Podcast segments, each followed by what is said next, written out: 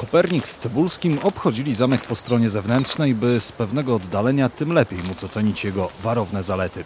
Wojciech był teraz prawą ręką administratora dóbr kapitulnych, którym Mikołaj został jeszcze pod koniec jesieni, w listopadzie.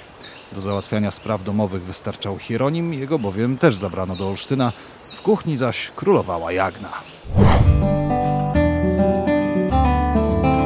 Ten sposób Leonard Turkowski w powieści Ziemia i Niebo z 1971 roku opisuje pierwsze dni Mikołaja Kopernika w Olsztynie.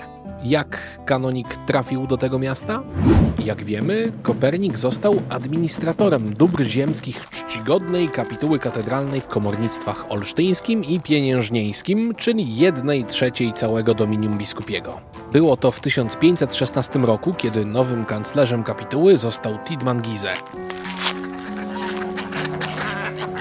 Administrator, zwany czasem Landpropst, rezydował na zamku w Olsztynie.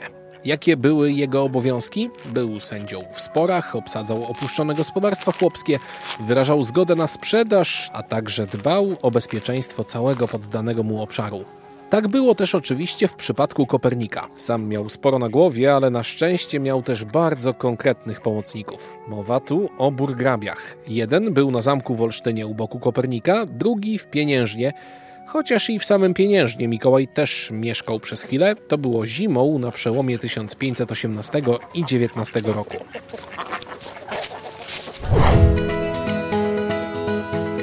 Dobra kapituły graniczyły z ziemiami zakonu krzyżackiego, co oznacza, że były stale narażone na najazdy zbójów, a także, jak twierdzi profesor Karol Górski, zatargi z urzędnikami zakonu. Jaką załogą dysponował Kopernik? Naturalnie przez burgrabiego? Prawdopodobnie na zamku pracowało 20 służących i dwóch strażników. A plan dnia? Codziennie rano, przed otwarciem bramy zamku, strażnik uderzał w gong. Pobudka nie należała zatem do najprzyjemniejszych. Kiedy gong zabrzmiał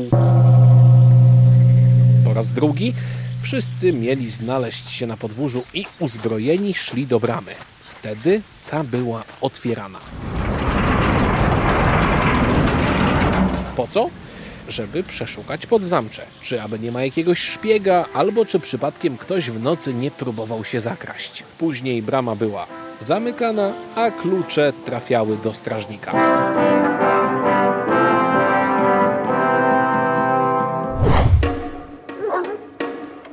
Ktoś zapyta, dwóch strażników na tak wielki zamek? No cóż, rycerzy trzeba było opłacić, dlatego wołano ich tylko w kluczowych momentach, kiedy było wiadomo, że coś naprawdę się święci.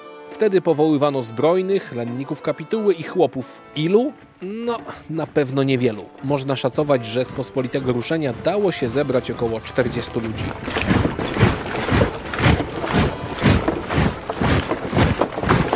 Wracając do zasad panujących na zamku, musiał ich przestrzegać nawet Kopernik. Załóżmy, że wrócił skądś późną nocą. Nawet jego, jako administratora, nie wpuszczano główną bramą. Musiał wejść do zamku przez furtę, uprzednio zostawiając konie w mieście. A cóż, zasady to zasady.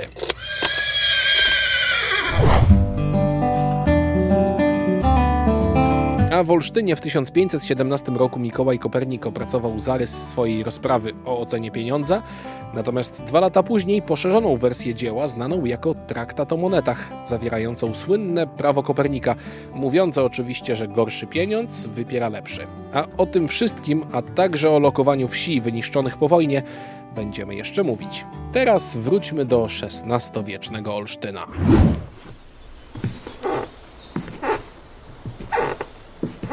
Mieszkanie administratora mieściło się w zachodniej części północnego skrzydła zamku, od strony rzeki. Jego środek zajmowała wielka sala, dalej od wschodu rozmieszczono mieszkania burgrabiego i kapelana.